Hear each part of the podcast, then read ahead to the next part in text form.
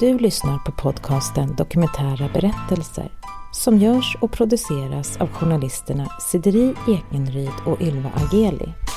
Är du nyfiken på hela den nya säsongen av Dokumentära berättelser? Då kan du redan nu gå in på Podplay-appen eller på podplay.se och lyssna på alla avsnitt av säsong 6 helt gratis. I den här säsongen möter vi många olika livsöden. Du kommer bland annat att få höra om hur det är att leva som asexuell, att ha arbetat som strippa och sexsäljare, att ha växt upp i Livets Ord eller i den iranska oppositionsgruppen Folkets Mujahedin. Vi undrar också vad som händer efter döden. Så gå in på Podplay och lyssna på hela säsongen redan idag, helt gratis. Förbudet mot att köpa sexuella tjänster trädde i kraft i Sverige år 1999.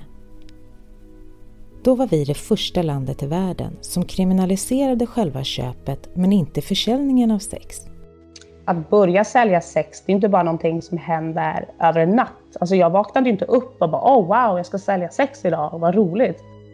I det här avsnittet träffar vi Hanna som under många år levde och arbetade som sexsäljare i Berlin där det fortfarande är lagligt att köpa sex. Eh, så jag kunde ju lätt ha liksom fem, sex kunder per pass.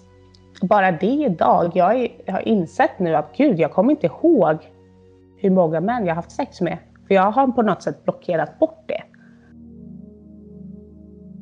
Ja, det krävs också. Vi vill veta vad som skiljer Sverige och Tysklands rättssystem när det kommer till sexköp. Därför hör vi i det här avsnittet advokat Caroline Brännström som arbetar vid Vega Advokater. Eller att man på något sätt har en, en koppling till Sverige, alltså att svensk domstol har jurisdiktion som det heter. Eh, men sen krävs också att, att handlingen där den begås är brottslig.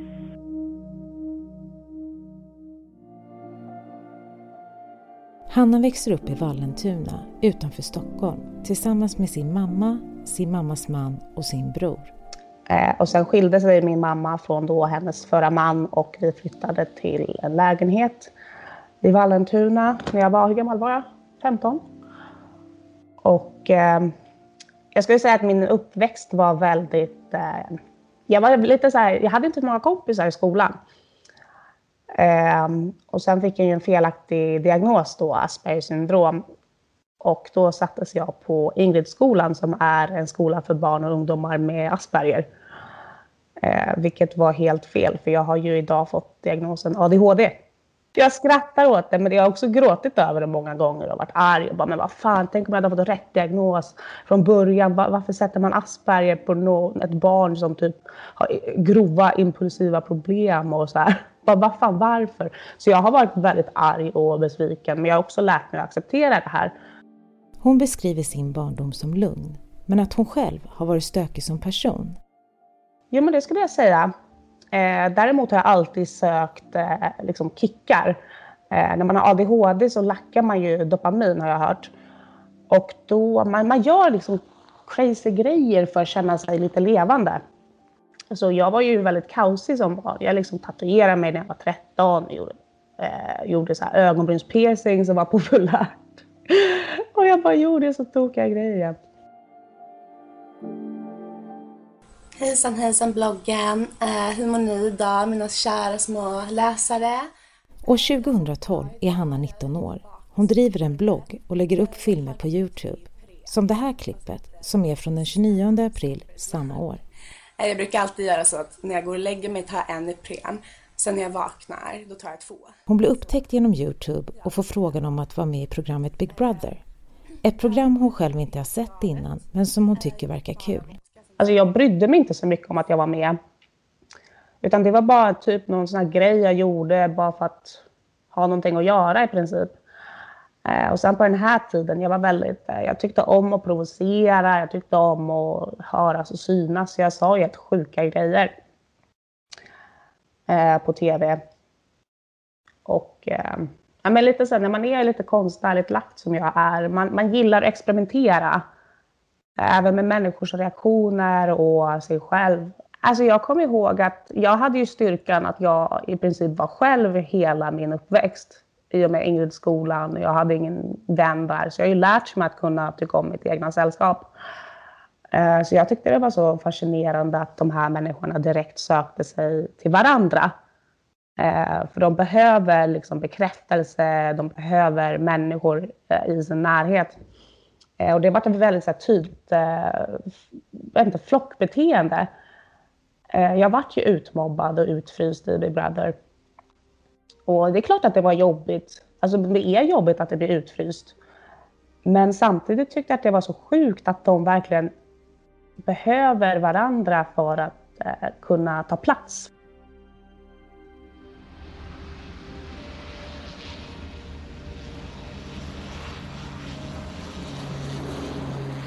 Det är den 3 augusti 2013. Ett år efter Big Brother och Hanna är 21 år gammal. Hon har bestämt sig för att åka till Berlin. Och du vet när man är 21, man är så här, wow, nu ska jag upptäcka världen människor glömmer ju bort att jag var med i Big Brother och jag var ju bara ett barn så jag hade ju inte hunnit liksom vara ung och liksom galen och resa och ha roligt.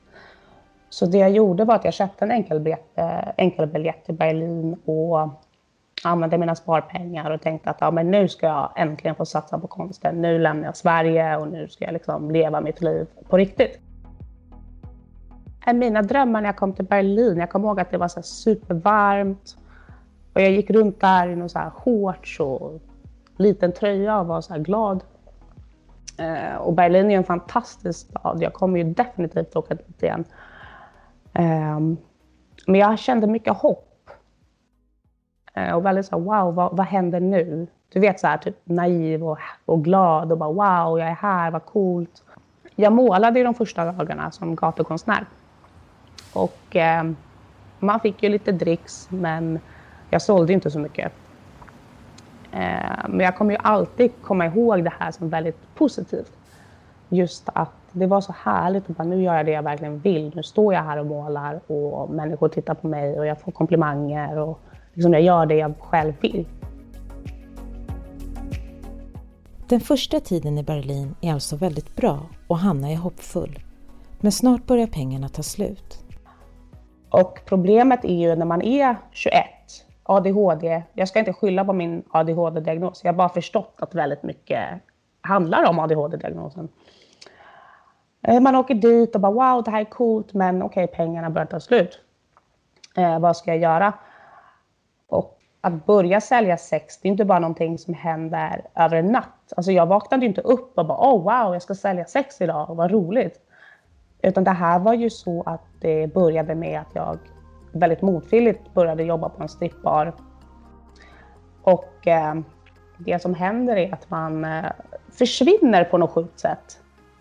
Eh, det blev liksom till exempel normalt till slut att okej, okay, jag ska upp på scen nu, jag ska dansa, jag ska ta med bhn, sen ska jag gå en dricksrunda där män då ska dricksa mig typ monopolpengar eh, som vid slutet av passet jag byter ut mot riktiga pengar.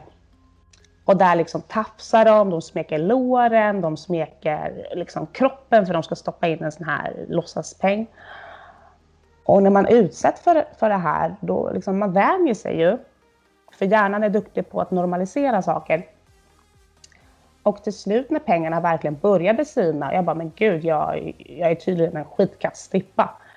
Eh, jag måste få in pengar, för annars måste jag hem till Sverige och där måste jag ta tag i mina riktiga problem.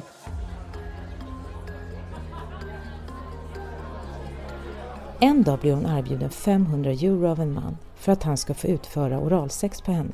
Eh, just första gången. Jag kommer ihåg att det var så äckligt och han gick ner på mig och han var så, jag var så oattraherad av honom. Så jag liksom satt och tänkte på andra saker, vackra saker, så här, typ delfiner och regnbågar och så här.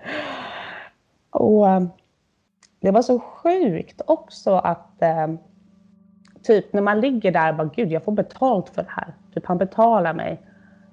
Eh, det var så sjukt. Eh, och jag kommer ihåg, alltså det var, så, det var så äckligt och han var så äcklig och hela situationen var så smutsig. Liksom, I en strippklubb finns ett rum med typ en skitig soffa och man vet att okej, okay, här har typ tusentals människor haft sex. Och då blir det väldigt enkelt när man är i en sån liksom, desperat situation att man faktiskt accepterar pengar från en man och har sen sex med honom. Och när man väl gjort det, då, då är det väldigt lätt att göra om det. För man, ska säga, man glömmer bort att det faktiskt var riktigt jävla jobbigt att sälja sig själv första gången. Man liksom traumatiserar bort det. Och sen gör man det igen och igen och igen och sen blir det normalt. Den svenska sexköpslagen ser ut på det sättet att... I det här avsnittet pratar vi med advokat Caroline Brännström. Vi ber henne börja med att förklara hur sexköpslagen ser ut i Sverige. Det är kriminaliserat att köpa sex, men inte kriminaliserat att eh, sälja sexuella tjänster. Eh, vilket då gör att man lagför bara köparna och inte eh, säljarna. Eftersom Hannas berättelse utspelar sig i Tyskland undrar vi även hur lagen kring sexköp ser ut där. Ja, men man kan väl säga så här att Tyskland valde att gå en annan väg. Man införde, jag tror att det var 2002, vissa sociala rättigheter som då sexarbetare, som det kallas där, skulle ha, som var likställd med andra löntagare. Eh, och det som man ville göra, det var egentligen samma syfte som Sverige ville med sin lagstiftning. Alltså man ville mot, mot, eh, motarbeta tvångsprostitution och kvinnohandel och tänkte att det här skulle vara ett verktyg att göra det. Eh, sen har man utvärderat den här lagstiftningen och kommit fram till att det här är ingenting som utnyttjas i någon större, eh, större del av de som faktiskt arbetar i den här industrin och att det inte har gett den positiva effekten som man ville ha. Jag kommer ihåg att eh, när jag liksom verkligen var inne i det här jobbet, eh, till, alltså typ eh, efter några år, då liksom, jag var ju som en maskin. Jag bara bam, kund, kund, kund, kund, kund. Eh, så jag kunde ju lätt ha liksom fem, sex kunder per pass. Bara det idag, jag, är, jag har insett nu att gud, jag kommer inte ihåg hur många män jag har haft sex med. För jag har på något sätt blockerat bort det. Jag har ju både gjort out calls och in calls beroende på eh, vart jag befunnit mig.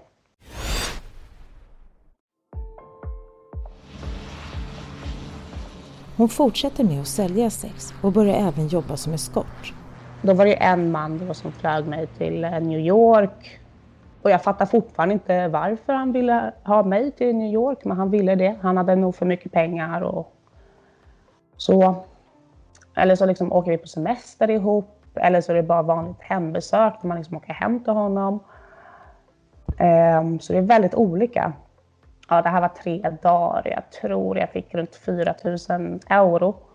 Och det som är väldigt farligt som sexsäljare är ju också att du slutar respektera pengar. Eh, jag spenderade ju de här, liksom, vad är det, 40 000 eh, inom en timme. För jag köpte ju massa märkesgrejer på Saks i New York och jag hade ju noll respekt för pengar för jag visste ju att ah, men det är bara att sära på benen så kommer det nya pengar. Alltså det här tankesättet är så jävla farligt.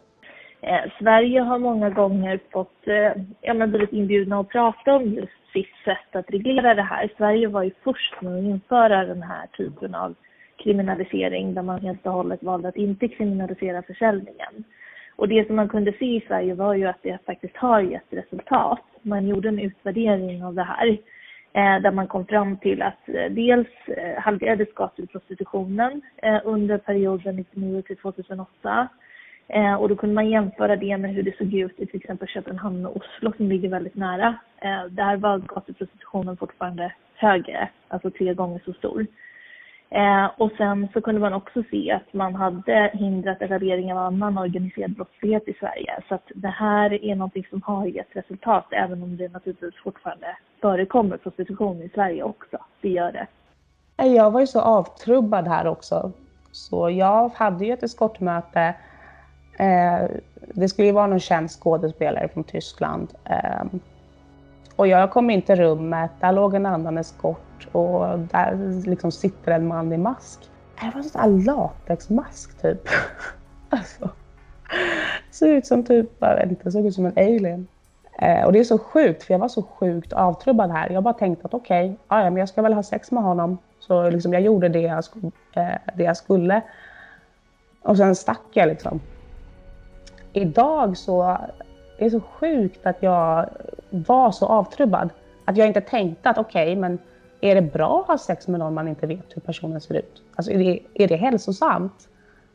Eh, men då, då tänkte jag bara, haha, en man i mask, haha, LOL, typ. Okej, okay, gör jobbet, sen dra. Trots att Hanna jobbar i Berlin i Tyskland så händer det ibland att det kommer svenska män som köper sex av henne. Jag skulle säga att eh, det var en kund eh, som var svensk och han... Jag lurade honom att jag inte var svensk. jag tyckte det var roligt att så här skoja med honom. Så jag pratade ju engelska med honom.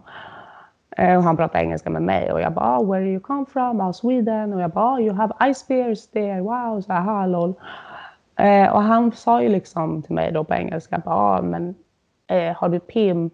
Är du tvingad? Är du inom trafficking? Eh, är det här okej? Okay? Typ. Eh, och han kunde inte få upp den. För han satt och tänkte bara, men gud, hon kanske har pimp, hon kanske är tvingad, vad håller jag på med? Eh, det tyckte jag var ändå, jag försöker, alltså det var ändå positivt att det, han inte kunde få upp den, för han hade ett samvete. Ehm, det har aldrig hänt med tyska män. Så det var ändå bra. Jag skulle säga att de svenska män som eh, köpt sex av mig, de har varit mer måna om att jag inte haft en pimp. De har ju frågat mig, ja, har du en hallick? Och, alltså jag skrattar ju alltid, för jag bara, ja, men hade jag haft en hallick hade jag inte sagt det.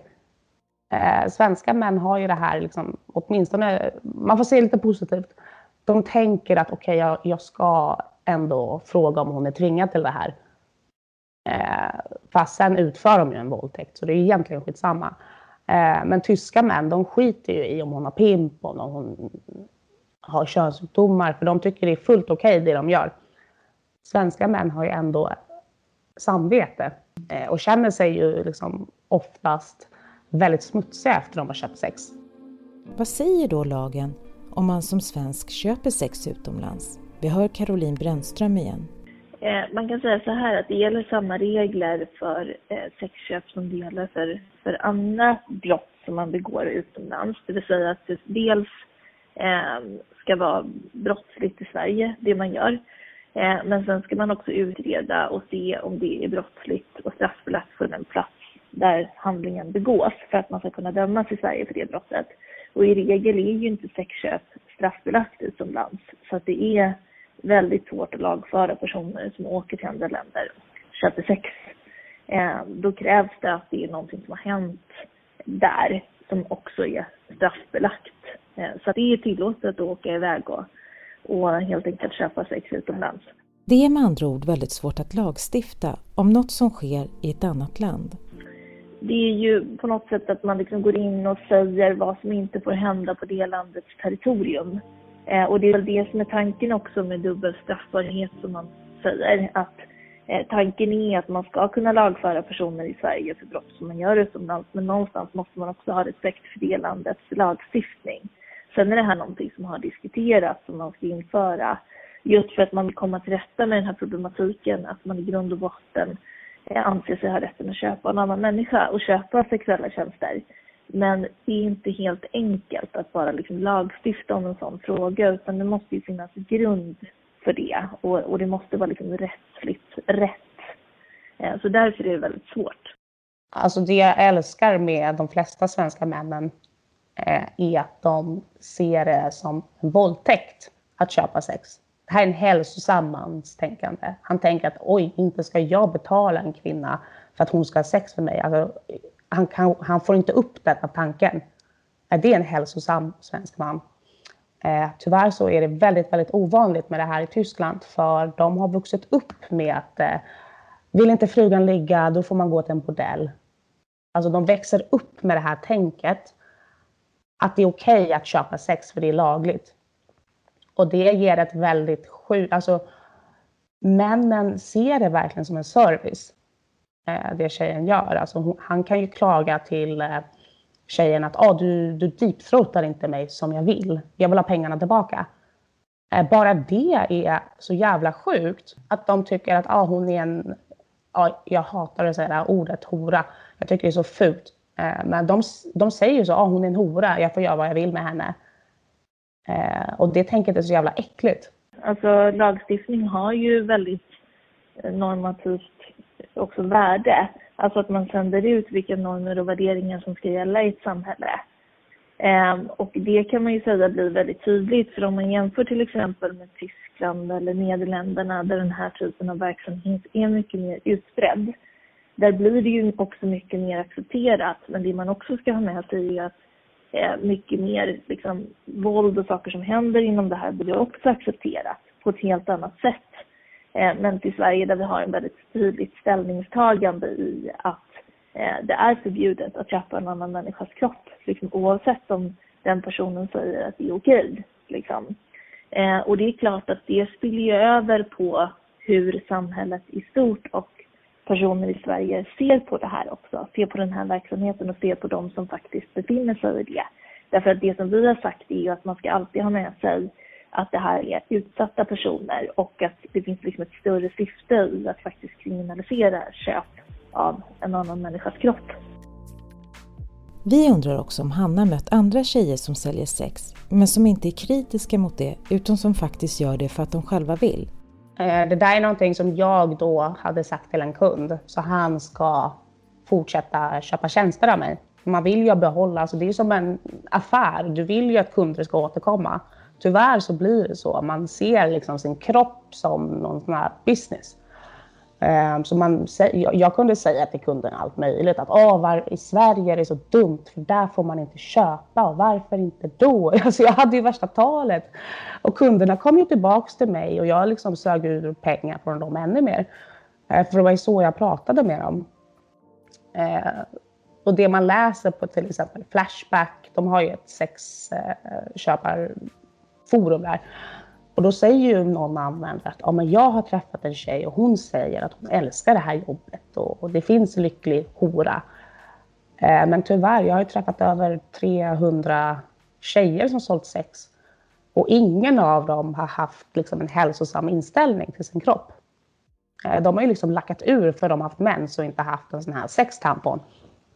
För de, så man, priset man betalar i slutändan är att du kommer ha en skev bild på dig själv, på män, eh, en väldigt lång tid. En del av argumenten för att göra sexköp lagligt är den idé om att man då kan ha bättre översikt av branschen. Att de som säljer sex kan göra det självständigt utan en så kallad pimp och även engagera sig fackligt för att kunna arbeta under bättre villkor. Alltså det är ingen kontroll alls i Tyskland heller med hallickar och sånt. Alltså det går inte. Alltså jag hade jättemånga väninnor i Berlin och alla hade, eller väldigt många hade någon som tog hand om deras pengar. Eh, kvinnorna vill inte att eh, staten ska veta att de säljer sex. Eh, det har inte blivit det resultatet som man hade önskat.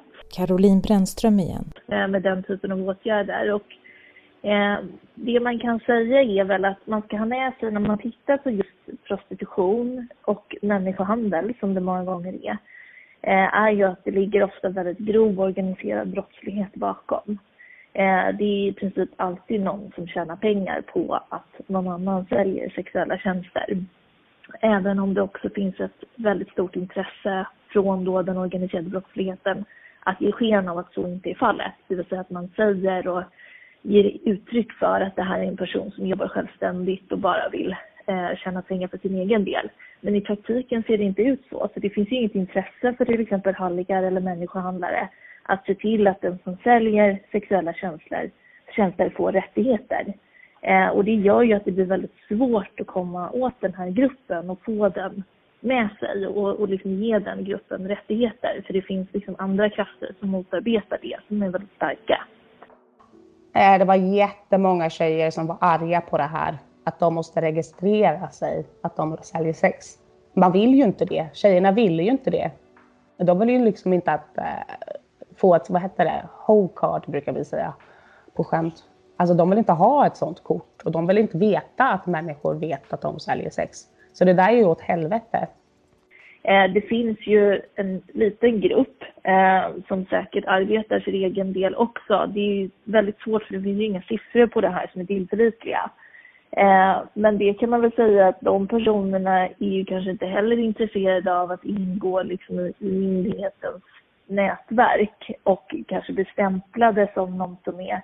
I Sverige pratar man om att man blir stämplad som är utsatt liksom och det vill man inte bli.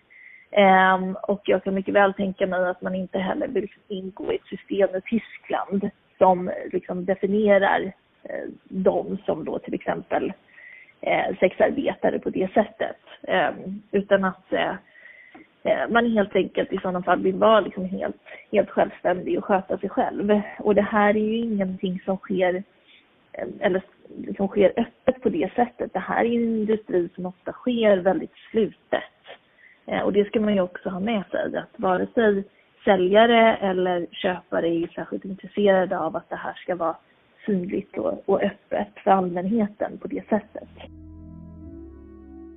När Hanna är 28 år börjar hon fundera över sin livssituation. Och jag tänkte bara, men gud, eh, jag har ingenting i mitt liv eh, att visa upp. Och jag skäms över vad jag gör. Jag ljuger för alla i Sverige vad jag jobbar med. Eh, jag har inga pengar för jag spenderar alla pengar. Eh, och jag bara, det här går inte. Jag var så himla trött på allting. Eh, och jag var trött på, men gud, det måste finnas något mer än det här. Ehm, så jag kom ju till den vändpunkten att jag var så jävla trött på det. Och jag var trött på mig själv och jag skämdes över mig själv. Ehm, och jag kände att allt är bättre faktiskt än det här just nu. Så jag åker hem till Sverige eh, och idag är jag väldigt tacksam över det. Att jag blev så trött på det där livet eh, och kände att det här, vad har jag för framtid om jag fortsätter, om jag stannar här? Eh, jag har ingen framtid. Hon befinner sig i Portugal och bestämmer sig för att resa hem till Sverige igen hon packar och tar med sig sin kanin Ester och sätter sig på tåget. Eh, och det var väldigt sjukt. Eh, just att jag hade Ester då i transportburen. Jag hade typ en resväska med lite grejer av det jag fick plats med. Och jag bara, gud, nu, nu sitter vi på tåget. Bara, ah, nu är vi i Spanien, nu är vi i Frankrike, Tyskland, Danmark. Åh oh, herregud. Um, men jag var så här, typ, gud vad skönt att inte behöva jobba. Jag bara, gud jag är ledig. Typ, jag kan titta film, jag behöver inte jobba. Jag kan bara chilla här på tåget. Det var väldigt befriande. Mm. Och, ja, men typ som man avslutar ett kapitel och bara okej, okay, men nu, nu börjar vi äntligen på nästa kapitel. Under den här tiden spekuleras det på nätet om Hannas liv. I olika forum står det att hon säljer sex och det länkas till olika eskortfirmor. Eh, så jag bara, nej, alltså jag vill vara ärlig med mig själv. Så jag, jag, går ut då i Expressen var det. Och då sa jag att ah, jag har jobbat som eskort eh, i sju år. Eh, och det var väldigt skönt. Eh, för jag hade ju ljugit för alla i Sverige vad jag jobbade med. Eh, men att bara liksom säga att ah, men det här stämmer. Så nu, eh, alltså det är en väldigt konstig känsla. För nu när jag träffar en ny människa och de frågar typ, ah, vad, vad gjorde du utomlands så länge? Eh, innan har jag bara sagt att nej, men jag jobbar på café eller jag studerar eller jag gjorde dittan och dattan. Men nu säger jag ju liksom typ, läs min bok. Eh, det är väldigt skönt att vara helt ärlig mot sig själv och mot andra. Och jag, alltså jag har fått så mycket kärlek. Jag trodde typ jag skulle få massa hat. Bara, ditt jävla luder, du är äcklig, du är en basar för könssjukdomar. Blä, typ. Men jag har bara fått kärlek. Eh, och det är väldigt skönt. Och jag blev väldigt glad det har gått två år sedan Hanna lämnade livet som sexsäljare. Vi undrar vad hon har för råd till andra unga kvinnor som är på väg in på samma bana. Det jag vill säga är att ja, du kanske tjänar pengar och du får ett annat liv. Men alltså, nej, gör, gör inte. Jag säger det väldigt enkelt. Gör inte, för det är inte värt det. Eh, och det är farligt om du... Det, det kan bli väldigt farligt. Du kan träffa fel torsk som liksom vill mörda en sexsäljare. Så man, måste, man, får, man får vara snäll mot sig själv och bara okej, okay, du kanske vill sälja dig själv nu, men vad fan, jag gör inte. Jag hade extremt svårt att inte ta betalt av män. Eh, jag vet tjejer som haft ett skadebeteende. Det finns ju olika typer av kvinnor som säljer sex. Vissa gör det för att de verkligen vill skada sig själva. Men jag gjorde det för att eh, jag hade noll respekt för män. Och jag bara, men varför ska jag respektera en man? Varför ska jag göra det? Varför ska jag bry mig om honom? Eh, varför ska jag inte liksom ta hans pengar?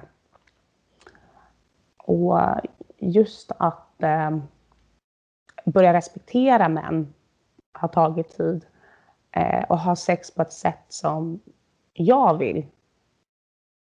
Eh, alltså många eskorter, liksom, de förstår inte varför de ska dejta en kille och inte få betalt för det. Man är ju så van att man går och äter med en kille och man får betalt för det.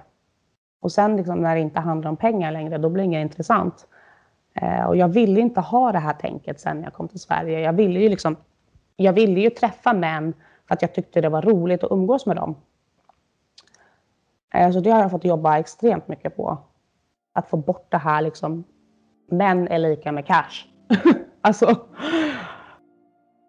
Under 2020 lagfördes 456 personer i Sverige för sexköp. Det är det högsta antalet sedan statistiken började föras år 2007 av Brottsförebyggande rådet. Vi undrar om det hade gjort någon skillnad för statistiken om det även var kriminellt att sälja sex. Vi hör advokat Caroline Brännström.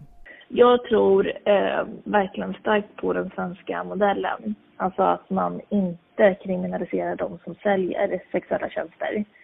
Eh, och mycket av det handlar ju om att oavsett vad man får höra, oavsett vilken bild som förmedlas, så är det här ofta väldigt utsatta personer av olika skäl.